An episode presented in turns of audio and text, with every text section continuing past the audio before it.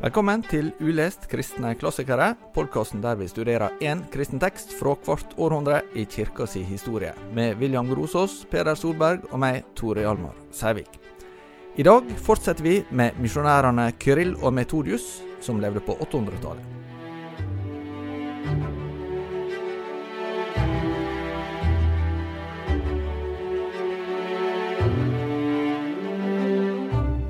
I forrige episode så ble vi kjent med to skikkelser som var brødre, og som eh, kanskje var ukjent for de fleste fra før, men som har hatt veldig stor betydning, ikke minst for misjonstenking. Og eh, det skal vi fortsette litt med i dag, for de gjorde et nybrottsarbeid som er ganske viktig, nemlig å gjøre kristendommen tilgjengelig på folkespråket. Det var ikke selvsagt, særlig i den vestlige delen av kristenheten, eh, der latin var på en måte sett som et, eh, et fellesspråk, men også ga en slags trygghet politisk og teologisk. For en visste snakker folk på latin, så kan vi kontrollere at de sier det som faktisk er sann og sunn lære.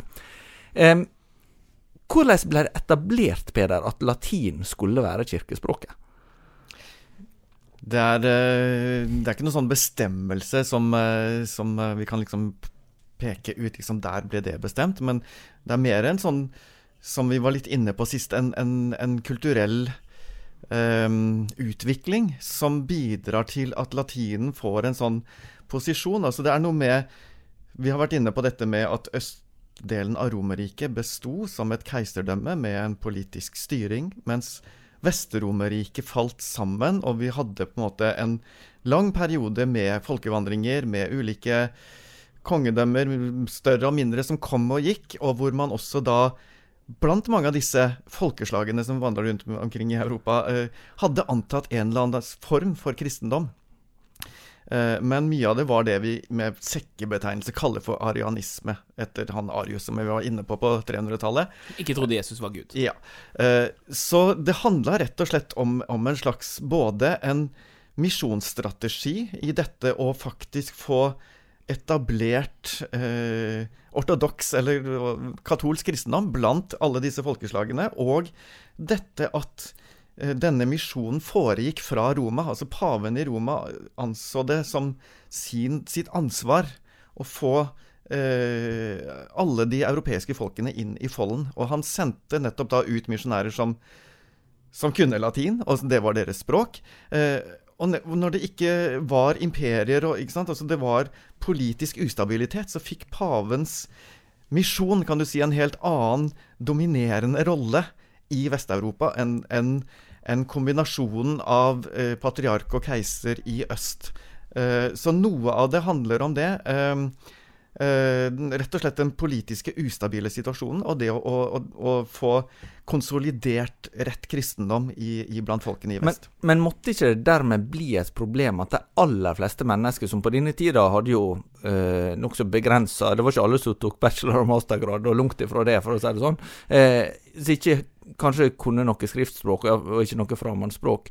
Hva forståelse kunne de egentlig få av kristendommen? Ja, altså du kan si, Vi, vi overdriver også litt, for at nå snakker vi om de kirkelige tekstene. Vi snakker om, om uh, Bibelen, og vi snakker om, om, gudstjenesten. Og det er klart, I prekener og alt sånt så var det, man var veldig opptatt av at det skulle forkynnes på folkespråket.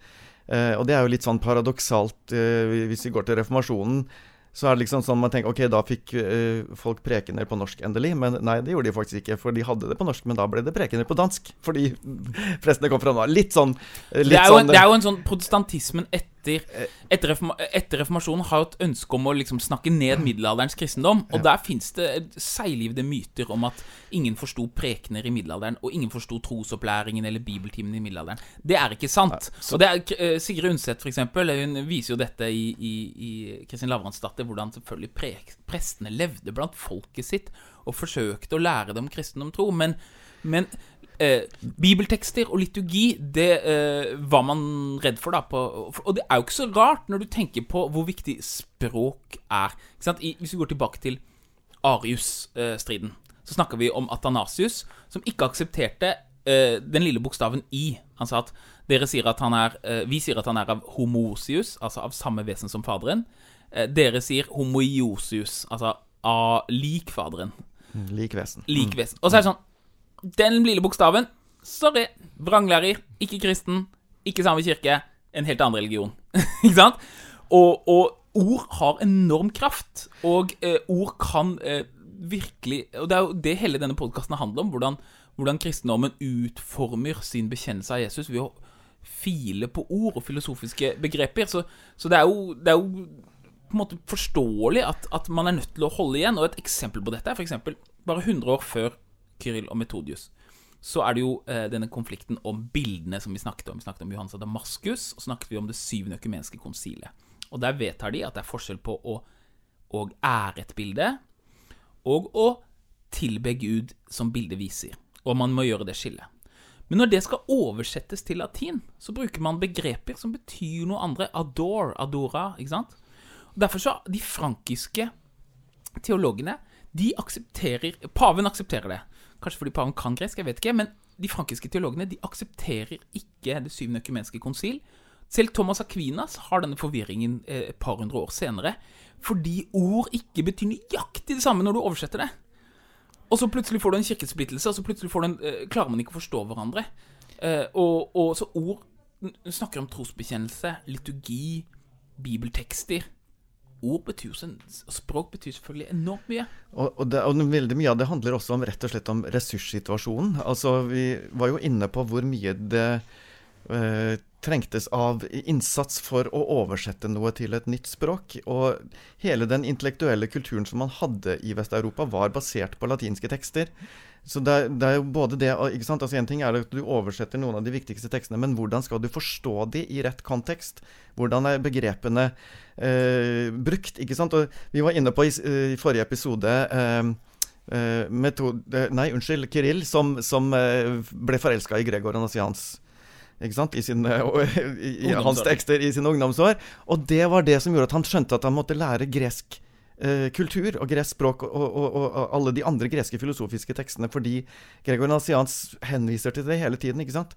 Så det er noe med at det, for å etablere en hel kristen kultur, så er det ikke bare liksom oversette den og den teksten, for der kan det også eh, oppstå masse misforståelser, eh, og du må på en måte lære opp de som skal undervise andre i hele bakgrunnen, og da er det latin man tyr til. Men, men, det er også en, en, overdrivelse å si på en måte ikke sant? Fordi um, bibeltekster ble oversatt til folkespråk. Sentrale bibeltekster, evangelietekster. Du har jo også det til og med oversettelse til norsk. ikke sant? Sentrale tekster fra Bibelen som ble brukt til prekener, ble oversatt til norsk allerede I middelalderen. I, i middelalderen ikke sant?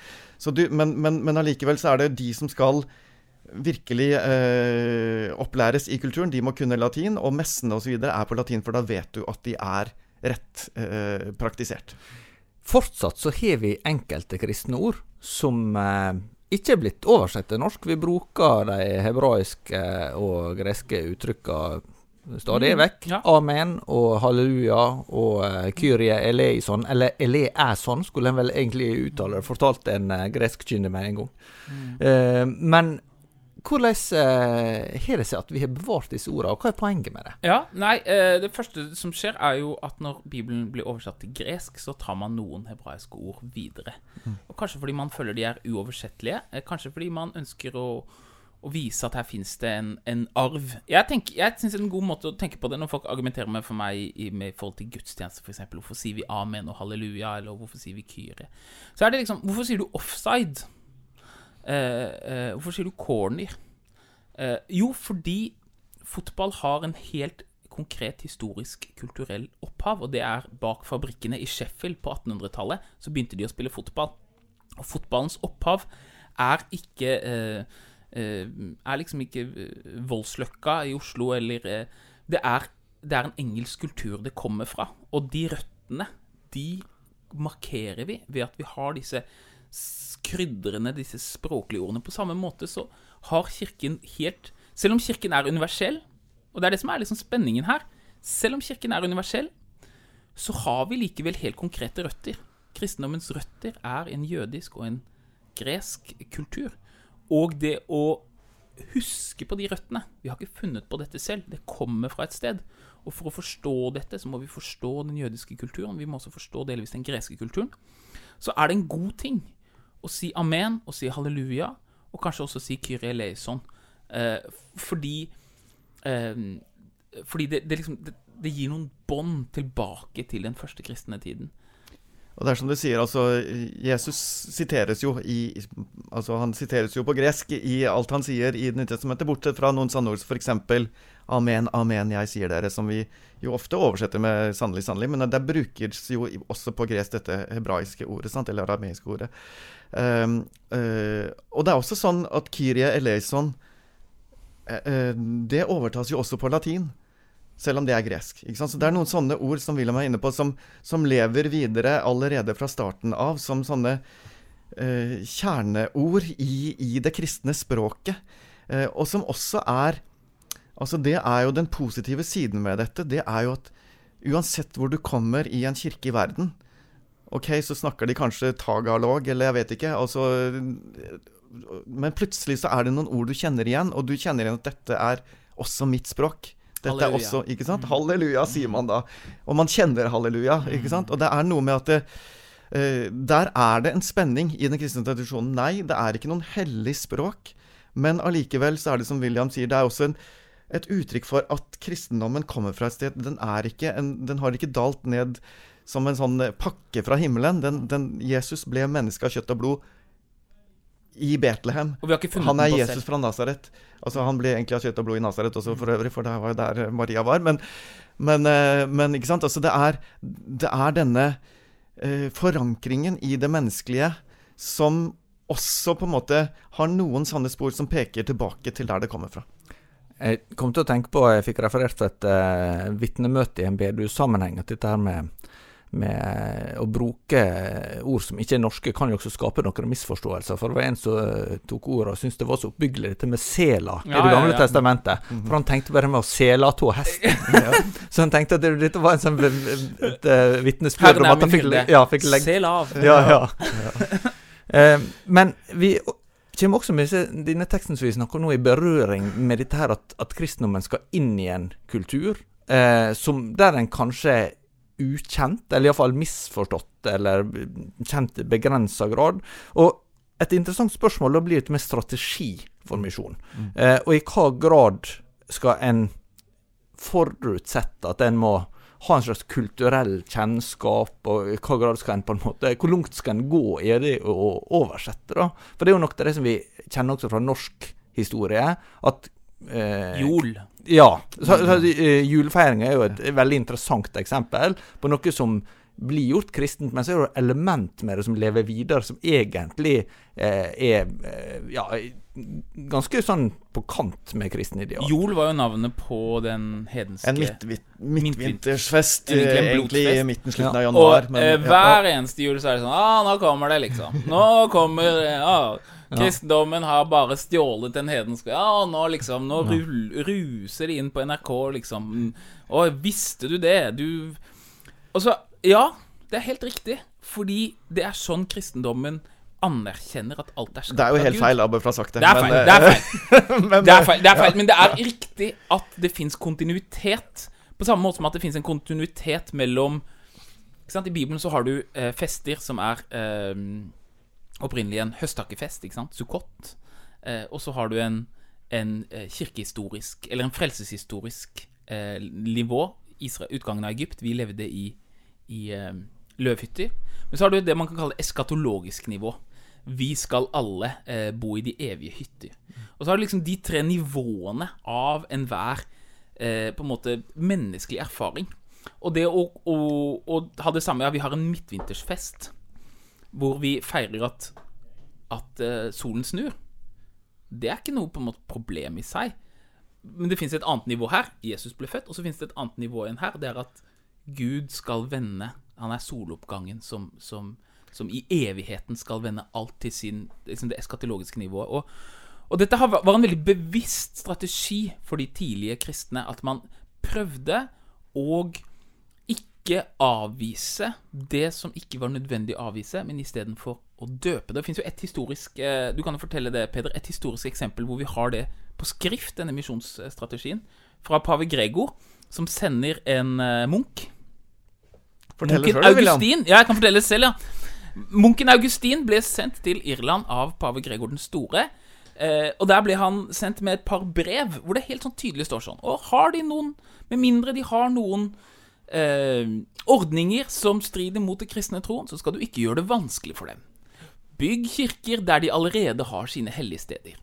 Ha gudstjenester på de tider de, eh, på de tider i løpet av året hvor de tidligere har pleid å ha religiøse fester. Ikke gjør det vanskelig for dem.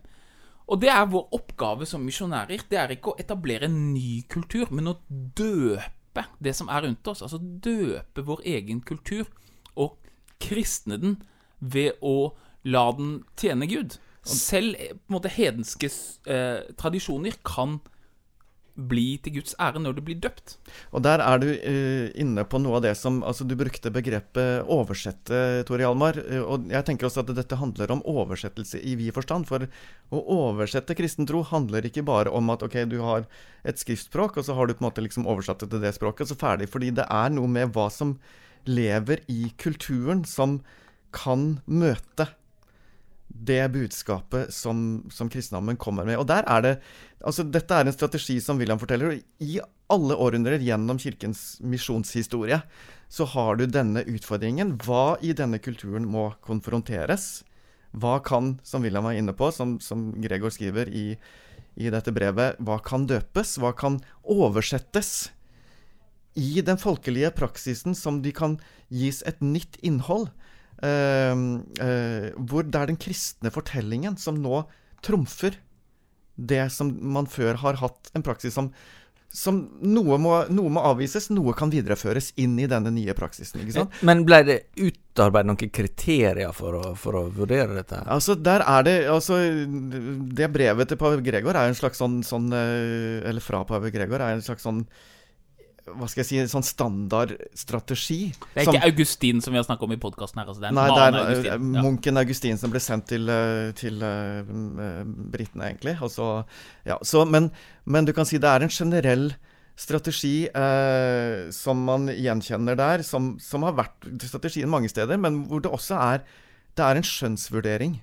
Uh, det, det, er på en måte misjonærene også som må ta, ta den vurderingen. Og der er det et veldig viktig poeng som er knytta litt til, til, i hvert fall én type lesning av denne historien om, om Konstantin Kyril, som vi, var, som vi, har lest. sant? Altså det at han opparbeida seg så mye kulturell lærdom, og, og, ikke bare fra sin egen tradisjon, men også fra andre tradisjoner. Fordi det er noe med Hvis du kommer fra Norge øh, øh, som misjonær, øh, hvor mye er ubevisst din norske identitet? Som du tenker at dette er jo kristent. Fordi at eh, sånn har jeg alltid hatt det i min uh, oppvekst der jeg og, kom fra. Og dette er alle enige om?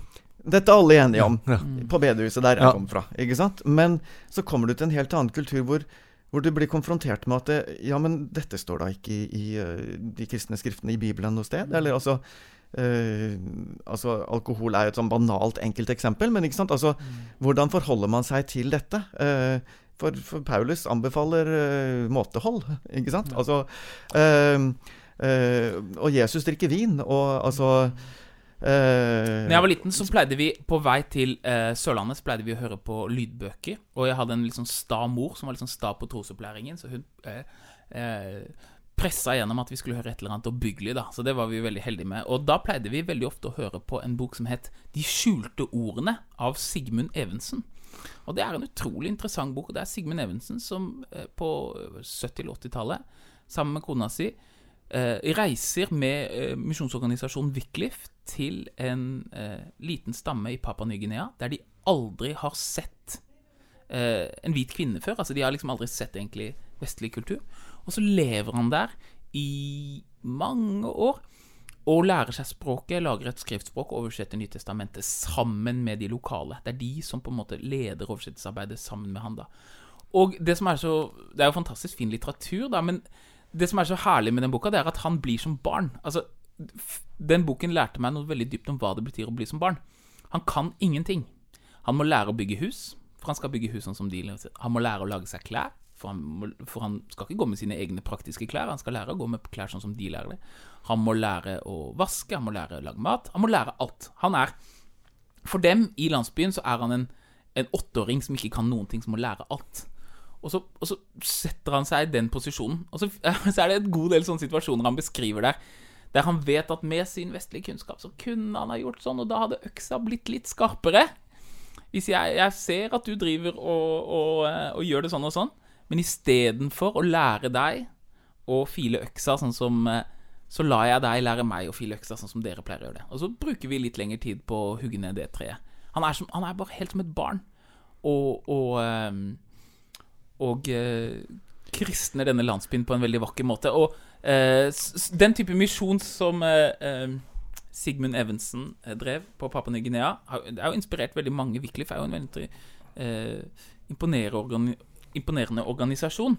De bør jo spore sine røtter tilbake til Kirill og Metodius. Absolutt. Eh, og samtidig så er det ikke sant, altså det, det, er nettopp denne skjønn og, og, og, det med respekten for den lokale kulturen man kommer til, og bevisstheten om egen kulturell blindhet, eller egen kulturell tradisjon. fordi altså i, uh, For en stund siden, uh, mange år siden, var jeg et år i, i Israel, i Jerusalem. Og der hadde vi der de jeg jobba for, holdt jeg på å si, hadde sånne kurs for misjonærer. Mm som egentlig handla om at de skulle bli kjent med de kulturelle røttene til kristendommen, vel så mye for å avlære seg sin egen kulturelle blindhet. Altså, hva er det på en måte som vi finner i røttene her som gjør at vi ser vår egen kulturelle tradisjon i et nytt lys? Mm. Som kan hjelpe oss til å møte en tredje kultur på ja. en mer respektfull, bevisst måte. Sant? Fordi at det, du kommer ikke bare fra din egen kultur til en annen, men du har på en måte gått veien om Jerusalem og de, og, og de kristnes røtter, på en måte. Sant? Eh, eh, for å kunne Altså, det var et, et, et Hva skal jeg si Et uh, godt ja. prosjekt som handler om nettopp dette at uh, Som jeg tenker også Metodius er et eksempel på, da, hvordan han lærer seg gresk kultur, han lærer seg hebraisk. Han lærer seg ulike språk i tillegg til det. Og bruker all den kulturelle kunnskapen han får fra det, til å ikke bare oversette bysantinsk kristendom til slavisk, men å oversette kristendom til slavisk. altså hvor han nettopp også har andre kulturelle eh, bevissthets... Eh, hva skal jeg si, områder som han tar med seg inn i denne oversettelsen. Kyrill og Metodius er viktige misjonærer på denne tida, men det er også andre teologiske spørsmål som er viktige. Ja, Vi er jo altså på 800-tallet, og da har vi etter hvert kommet i en situasjon der relasjonen mellom den østlige og vestlige delen av kirken har eh, forverret seg. Og det er jo det Kyrill og Metodius-fortellingen handler litt om. Eh, men som vi nevnte i episoden om Augustin, så er det jo et teologisk spørsmål om treenigheten, som etter hvert blir eh, en stor uenighet mellom Øst- og Vestkirken, og som ender med at Øst- og Vestkirken en gang for alle går fra hverandre 200 år senere, altså på 1000-tallet. Og det er jo eh, spørsmålet om vi skal si at Den hellige ånd utgår både av Faderen og Sønnen, eller om Den hellige ånd bare utgår av Faderen. Og som vi har snakket om så mange ganger med treenighetsspørsmål, eh, det er ikke ordkløyveri. Det er ikke bare småting, selv om eh, man Som jeg også vel sa i en annen podkast, at vi fra et vestlig perspektiv kan si at vi er egentlig enige. Men eh, dette var altså et spørsmål som, som, kom, og det begynte med at man Det var vel egentlig i Spania at man begynte å legge et sånt lite tillegg Munker begynte å legge et sånt lite tillegg til den nikenske trosbekjennelsen, der de, der de, begynte å si at, eh, at, at, ånden utgår fili og kve. Altså sønnen og. Altså utgår også av sønnen. Det, og det er et uttrykk som en kjenner igjen i filiokus. Filiokus, hokus pokus filiokus. Mm. Ikke sant? Dette er min Ja. Mm. Og, og, da blir det eh, en, en, tradisjon som på en måte blir veldig vanlig, særlig også vært, vært i disse frankiske da, eh, områdene som vi, de frankiske teologene liker det. Og nå kan vi godt liksom gjøre det frankerne til the bad boys alltid. Det er ikke sikkert de alltid var det. For eksempel, de gjorde masse bra. Men paven var skeptisk. Eh, ja. ja, i hvert fall så, så, så hadde det utbredt seg en del. Og det var jo også sentrale teologer i den latinske tradisjonen som hadde skrevet om dette. Altså, altså, litt på ulike måter, da. Så det, selv om det tok litt tid før det kom inn i bekjennelsen, bl.a. I, i Roma, det var det ikke ennå på denne tiden. Nei, det tok lengre tid men, men allikevel, uh, Augustin skriver om dette, sant, og flere av de, av de, latinske Så det var en sånn forståelse i vest at dette dette, dette er helt OK å si. Og, og Maximus forkjenneren er jo en av de som, som kommer til Roma. Han er den første som nevner dette som et problem Mm. eh, fra Østkirkens teologer, og, og, og skriver at ja, men romerne, når de sier det, så, så tar de ikke feil. Er, altså, eh, faktisk, faktisk er Maximus en som som, eh, som bygger bro eh, på 600-tallet i forhold til at dette kunne oppstå som et problem. Men når vi nå er kommet på 800-tallet, så er det eh, Hva skal jeg si det, det blir en del av en større bilde da, av, av hva man krangler om. Fordi det er også da en skepsis fra Vestkirken på ikonoklasmen som man ennå ikke er ferdig med Nei. i, i Konstantinopel. Nettopp. Så det er eh, første liksom store eh, problemene kommer jo med, med ikonoklasmen, der eh, noen av eh, teologene i vest er veldig skeptisk til, til noen av de formuleringene om, om ikonbruk. Og det handler igjen om oversettelse, som vi har snakket om. Eh, og så kommer andre, uh, dette andre spørsmålet, da, som Det, begynner, det er vel egentlig første liksom, skikkelig konfrontasjon. Er det noen munker i Jerusalem? Og så blir det, blir det diskusjon nå. Uh, men det Maximus sier, da, det er at Og det gjentar en av hans disipler som bor i Vestkirken, som heter Johannes Scotus Eriguena. Scotus betyr at han var irsk. Han var en sånn stor, lærd teolog som, som en, en kjent teolog som heter John Milbank, har sagt den. It's the, the best theologian that ever lived. Og det er sånn, ja, og det Vi hadde en liten diskusjon om, om det var hans tekster vi skulle han, så vi har jobba litt med han også. Og, han jo, og han, det han gjorde, var at han blant annet oversatte alt av veldig mye av Maximus til latin, da. Som er jo eh, ikke en eh, Det er ikke en liten foreteelse. Men det Maximus klarte å se, det er at ok, vi må skille mellom det frelseshistoriske aspektet her. Altså, Jesus sender ånden, og han er sendt av Faderen. Og det er det latinerne prøver å si. Mens, mens det som er så utrolig viktig å få sagt for den østlige eh, teologien, det er Alle ting kan bare ha ett opphav. Du kan ikke si at ånden har to opphav, eh, fordi da eh, da, du, da får du liksom nesten to da, da, da ryker egentlig enheten i, i treenigheten. For da sier du at ja, ånden har to opphav, som er Faderen og Sønnen. Eh, og, men men uh, også liksom, er det kombinasjonen av de da som blir ånden? Det går jo ikke. For Faderen er jo alle tings opphav. Og da blir spørsmålet ja, skulle man da kunne tenke seg en kombinasjon av Faderen, Sønnen og Ånden som blir en fjerde ting igjen? ikke sant? Så, så uh, Det fins en mann som heter Fotius, som er en av de som kanskje sender eh, Kyrill og Metodius faktisk i den slaviske misjonen. Han er en sånn eh, stor, viktig kirkeleder. Eh, enormt lærd. Eh, skriver masse. Han har ikke skrevet noen store klassikere som i dag leses veldig mye, men en, en sånn viktig personlighet på 800-tallet i Konstantinopel.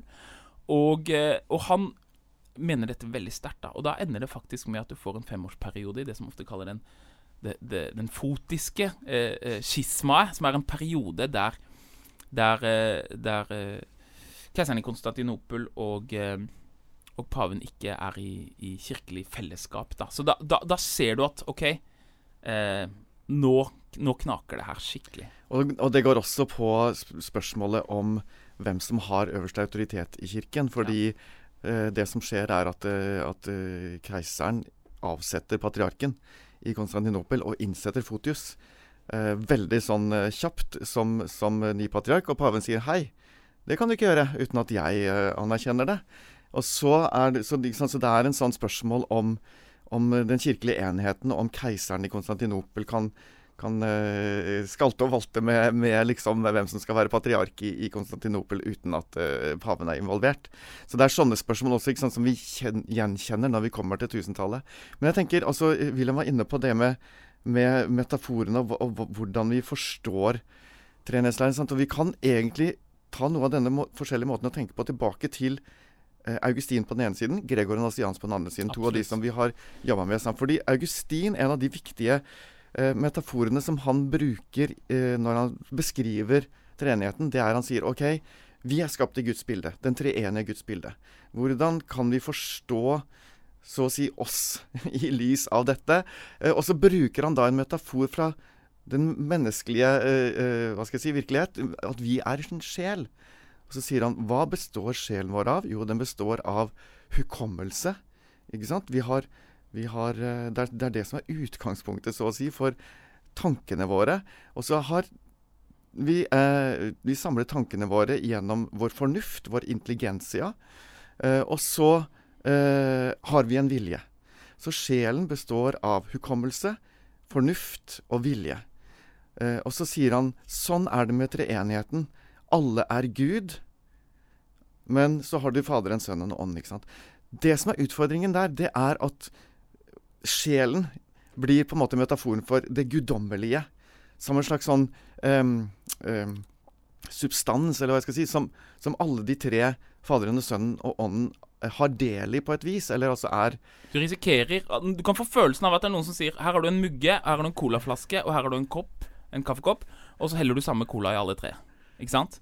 Eh, og så sier, du- sånn, sier du at ja, eh, eh, hva er Gud? Eh, det er på en måte colaen. Eller liksom, det blir en fjerde ting, på en måte. Men, men det er vanskelig å tenke Det vil ikke de østlige teologene tenke på den måten, da. Fordi Gregor Nassians han har en veldig sånn klar forståelse at det er eh, Faderens person som er guddommelighetens kilde. Eh, og som deler av hele sin guddommelighet med Sønnen og Ånden. Eh, sånn at det er Det guddommelige finnes ikke noe sånt som Altså, det er Faderens person. Som, som de to andre eh, personene i treenigheten fullt og helt har del i eh, gjennom relasjon. Ja. Og Jesus er Faderens jeg. Ikke sant? Han, selv om de to er i relasjon, så er det likevel sånn at det, alt som er i Faderen, er på en måte i Jesus. Mm. Og da, og, og, men det er også Ånden er helt og fullt delaktig alt det Faderen vil vise. Men det er liksom ikke sånn at summen av dem er Gud heller. Ikke sant? Det er det som Du kan ikke si det heller. Så, så, eh, så de føler at at du ender opp med i øst, sånn som Fotius Han mener at den augustinske teologien, som eh, Peder nå har beskrevet, den ender opp med det du kaller sånn modalisme, eller sabelianisme, der. Ehm, en metafor som man kan støte på på eh, enkelte konfirmantlærere, det er jo at ja, treenigheten er som snø, is og vann. Og det er jo en veldig, veldig eh, em, haltende metafor. ikke sant? Fordi hvordan kan du ha en relasjon mellom to ting som ikke kan eksistere samtidig? Snø og, og vann kan ikke eksistere samtidig. Hvordan kan de to være en kjærlighetsfull, evig relasjon? Og ja, men det- De er ulike moduser, ulike situasjoner å være på en måte H2O i. ikke sant? Og det mener Fotius. Det er det Augustin heller mot, da, eller den her filioque-tillegget. Heller mot å si noe som, som ligner på det. Um, og da, da på en måte brytes denne her evige relasjonen mellom Faderen, Sønnen og Ånden som den, den mener han, da, eh, bryter opp. Og det er eh, et problem for han. Vi har fått inn noen spørsmål som vi har invitert uh, lytterne til å sende inn. Og et av dem passer faktisk veldig bra å ta akkurat her. Og det er en som heter um, Ola. Og han spør seg hvorfor dere tidligere avviste å bruke ånd, sjel og legeme som en metafor for uh, treenigheter. Eller lekam, som det heter på nynorsk. Ja, men altså, metaforer er viktig, og vi klarer ikke å tenke uten metaforer. Ja, og, men hva, hva er det som skiller en god metafor fra en dårlig? Ja, det er et godt spørsmål. Altså, det Utgangspunktet for kirkefedrene er at de først og fremst vil bruke de bibelske metaforene. Eh, men eh, Og ånd, sjel, legeme, den er fristende, fordi den ligner jo veldig på den metaforen som den augustinske metaforen som vi eh, som, August, nei, som Peder eh, beskriver her. Men ehm, det er så eh, komplisert, altså, fordi OK, hvem er hvem da, i så fall? Jeg, jeg har vært på bibeltimer og hørt folk snakke åndssjel og legeme. Ja, det tar vi for gitt. Ja, alle vi er enige om at åndssjel og legeme det er et bilde på treenigheten. Altså, ja, men ok, Så da sier du at er Faderen da og sjelen, og så er ånden ånden, og så er Kristu legeme. Sier du da at, fad, at Kristus er sønn er på en måte bare kroppen til sjelen? Altså kroppen til Faderen? Eh, Da ender du med å si veldig lite om hva sønnen er. Du ender med å si, Hvordan kan sønnen være et menneske hvis han bare er liksom materie? Altså liksom, og Da blir det sånn at ja, Faderen er liksom spøkelset som er inni Inni Jesus fra Nasaret sin kropp. Altså, Det er så, På så mange nivåer så er det en så problematisk metafor. Men metaforer er alltid bare metaforer. Så derfor er det sånn Hvis det er noe i den som er oppbyggelig for deg, så, så, eh, så skal man være forsiktig med å, med, å, med å være for streng på hvilke metaforer man kan bruke og ikke. Fordi det er jo nettopp det. Altså en av de som skriver veldig mye om akkurat dette, og som Altså det er Di- Dionysios Areopagiten. Teolog fra 500-tallet, Ja. som eh, vi ikke vet eh, hvem er, bare, bare at han var en viktig filosof og teolog. Og som er veldig viktig for mange av de senere teologene. Han Eriogena, som vi Ja, nevnte ja, så vidt, oversatte han da. Men han skriver eh, om hvordan alle metaforer har sin begrensning. Eh, så han er jo opptatt av det som vi har vært inne på litt tidligere med katafatisk, apofatisk teologi. Altså hva kan vi si positivt? Gjennom språk, gjennom metaforer om Gud. Men så sier han men uansett hva vi sier, så, så ender vi opp med at vi må også avgrense oss mot at ja, men selv dette ordet eller denne metaforen er ikke på en måte, Det beskriver ikke Gud sånn som han er. Så han har en, en sånn han, De er begrenset av menneskelig språk. Er, ikke sant? Så han, så han sier altså eh, det er, det er en sånn i, i, Nå husker jeg ikke, men fra en av profetene i Gamle testamentet, hvor Gud sier ikke sant, jeg er, min, min kjærlighet til folket Jeg er som en drukken mann, altså en full ja. mann, og, og, og, eh, som, som, som syk av lengsel, ikke sant? Og så, og så sier uh, Dionysios ja, men alle vet at Gud er ikke en full mann. Mm. Men allikevel så er det en metafor som Gud selv på ett punkt kan bruke for å si noe om seg sjøl. Yes. Og så sier han da Men selv når vi sier Gud er far, Gud er kjærlighet, så må vi også forholde oss til det som Det er fortsatt metaforer. Yes. Det er, det er sånn- fristende sånn, å låse det og si ja. Gud er mann. Ja. Gud er en far. Men selv om det er, en, selv, det er på en måte sant ja. Gud er selvfølgelig faderen til sønnen, som er i, i evighet i ånden. Men det er også en metafor. Ja, for, for, det er jo et spørsmål sånn som du sikkert også kan få på konfirmantlæret. Ja. Er Gud mann? Ja, og svaret er uh, Gud er vi, vi, må i vår bønn, hvis vi skal være kristne, henvende oss til Gud som far. Men ikke fordi han er pappa, mann og pappa til alle ting. Fordi eh, i Gamletestamentet bruker jo ikke at Gud er far, er jo ikke så veldig mye brukt. Det, like, det brukes jo mange steder. Det er bare noen få steder at Gud skrives som far, og så er det noen steder som det beskrives Gud som mor. Men i Johansevangeliet særlig, og i Jesu undervisning, så er det gjennomgående. Det er sånn 127 ganger i Johansteksten. Johans eller sånt noe. Og vi kaller Gud far fordi han er i relasjon til sønnen. Altså det er sønnen som gjør faderen til far. Han er far i relasjon til sønnen, men han er ikke mann. Ikke sant? Og selv far-sønn-relasjonen er en metafor, fordi faderen har ikke hatt seksuell relasjon med Maria så, han, så, vi kan Nei. si at han er biologisk far til Det, det er jo det som er muslimenes anklage. Ja, det kan de si. Ja. Mm. Men det er fordi det er en metafor. Ja. Mm. Og også Johannesevangeliets i begynnelsen var ordet, altså logos, tanken. Det, vi er bundet til de, disse metaforene fordi det er de åpenbaringen har gitt oss. Mm. Men vi må aldri glemme at de er metaforer. Eh, eh, fordi da, da, da glemmer vi at Gud er selvfølgelig ikke eh, Gud er mye større enn en våre ord. Så det, det, gjelder jo alle de bibelske ordene Gud gir oss. Vi sier Gud er god, men Gud er selvfølgelig ikke god i betydelsen slik mine forestillinger om hvordan det ordet 'god' fungerer. Gud er noe som sprenger grensene for det. Så Derfor så kan vi si Gud er god i, i hermetegn. Men vi får disse ordene av av Skriften, og så bruker vi de om Gud, men vi skjønner egentlig ikke hva de betyr. Og, og så er de som et slags altså Det er som Vi kan tenke oss et fjell sant, hvor det å si at Gud er far og Gud er kjærlighet, det er, liksom, det, er det nærmeste vi kommer ja det vi faktisk kan si positivt. Så, så det er ikke det at de liksom nei, Alt er bare mm. metaforer, så alt er liksom Ikke sant? Det er ikke sånn heller. Det er sånn at noen metaforer er mye nærmere. Yes. Men det er noe med å, å, være bevisst på at eh, selv om vi er liksom veldig nær det, det sanneste og viktigste vi kan si om Gud, mm. så er det fortsatt sånn at vi bruker vårt språk, våre metaforer, som ikke fanger Gud i seg selv. Og det er også en ting som Gregor Anasians er eh, på 300-tallet allerede var veldig opptatt av. Det er Altså eh, for, forholdet mellom teologi og økonomi, kan vi si. Altså forholdet mellom eh, hva vi sier om Gud, og hvordan Gud har åpenbart seg for oss. Ja, økonomi handler ikke om penger her. Nei, er som, økonomi er et begrep, sånn teologisk-teknisk begrep som handler ja. om hvordan Gud forvalter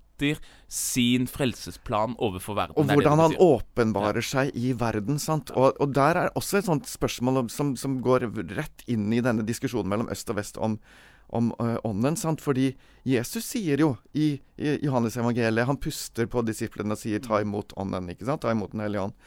Uh, uh, men er det Sier det noe om hvordan ånden evig utgår ved, eller gjennom Sønnen? Eller sier det noe om bare Jesus' sendelse av Ånden yes. der og da? Yes. Så, så, så, disse tingene er uh... oh, Det er så, det er så det er, ikke sant? Fordi Da er du inne i det som har vært et kjempestort spørsmål i moderne teologi, og det er forholdet mellom treenigheten slik den er åpenbart for oss, mm. og i evigheten. Mm. Og uh, der finnes det jo mange dårlige forslag i moderne teologi. Liksom Ideen om at liksom, ja, Gud er en slags potensiell treenhet, og så kommer han og så blir Jesu menneske, og da realiseres han som treenhet. Det er sånn Hegel-treenighetsteologi som jeg ikke liker, for å si det forsiktig, men som har vært ganske populær i, også i norsk eh, lutherdom. Eh, eh, så det liker jeg ikke i det hele tatt. For vi er nødt til å si at selvfølgelig er det en slags Det er en dyp identitet mellom Jesus eh, som person som åpenbart for oss, og den guden han åpenbarer i evighet. Men det er eh, likevel nyttig å ha denne lille distinksjonen som Peder eh, presenterer her, for å forstå litt hva øst og vest prøver å å komme eh, i kontakt med her. Vest ønsker særlig å si ja, men for at vi skal forstå hvordan Gud åpenbarer seg for oss, så må vi se hvordan selvfølgelig Det er helt utenkelig å se for seg Jesus uten ånden. Altså, ånden, Hvem sin ånd er det? Det er jo Jesu Kristi ånd. Det, det er de tre i alt som Gud gjør. Mens, men eh, fra et sånn filosofisk, absolutt evighetsperspektiv så er det veldig viktig for oss å si alt har sin kilde i Faderen, og, og, eh, og ånden strømmer ut av Faderen.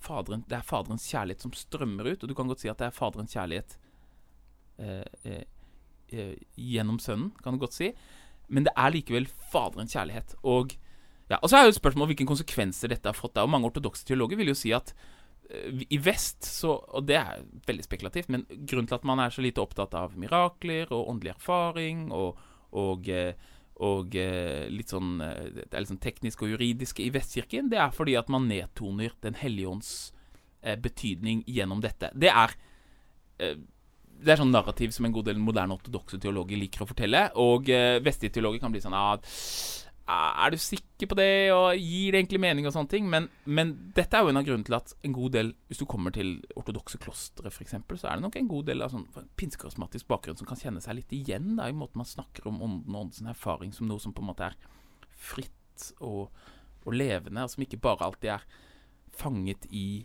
i bare liksom eh, i dogmer, da, på en måte. Ja.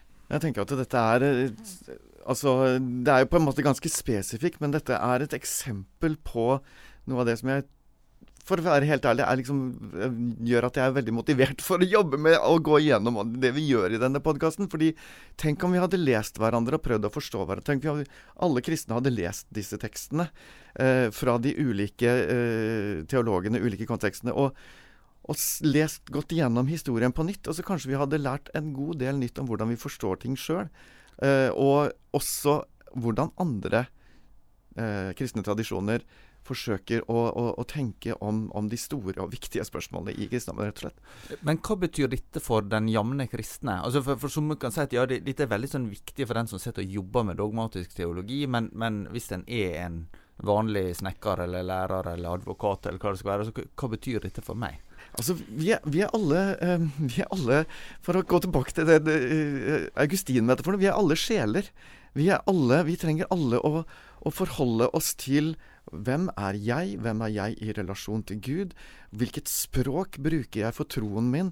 Hvordan tenker jeg om dette? Altså, vi kan ikke liksom altså, Det står i, i, Bibelen du skal elske Herren i Gud av hele ditt hjerte og hele din sjel, all din makt og kraft og forstand. og Det er forskjellige uh, Eh, hva skal jeg si, eh, vers som har ulike begreper. Men, men, det sier noe om at du kan ikke bare legge din eh, forstand og din eh, hva skal jeg si, eh, intellekt til side når du skal forholde deg til din kristne tro. Og Man kunne vært en lykkelig Jehovas vitner, sikkert. Kanskje ikke. Ikke sant? Det er sånn der, ja, men Jeg har jo Bibelen, jeg leser Bibelen. Ja, men du er Jehovas vitner. Ja, men alle er Jehovas vitner. Se for deg at hele Amerika var Jehovas vitner. Man kan jo se for deg det. At de leste Bibelen sånn som Jovas vitner gjør det. Og da var, bare, da var denne snekkeren var Jovas vitner, da. Ikke sant? Så, ja, er det så farlig? Jeg forholder meg til Bibelen og jeg er Jesus og sånne ting. Ja, det er litt farlig. Det er litt farlig, fordi det får konsekvenser for hvordan du lever livet ditt, og hvordan du har det. Det fins to typer historikere. Det er de som grunnleggende mener at ytre fysiske eh, forutsetninger preger ideer, og så er det de som mener at ideer preger de ytre for, fysiske forutsetningene. Og alle er enige i at det er en sånn gjensidig bevegelse, men det er sånn som eh, reformasjonen.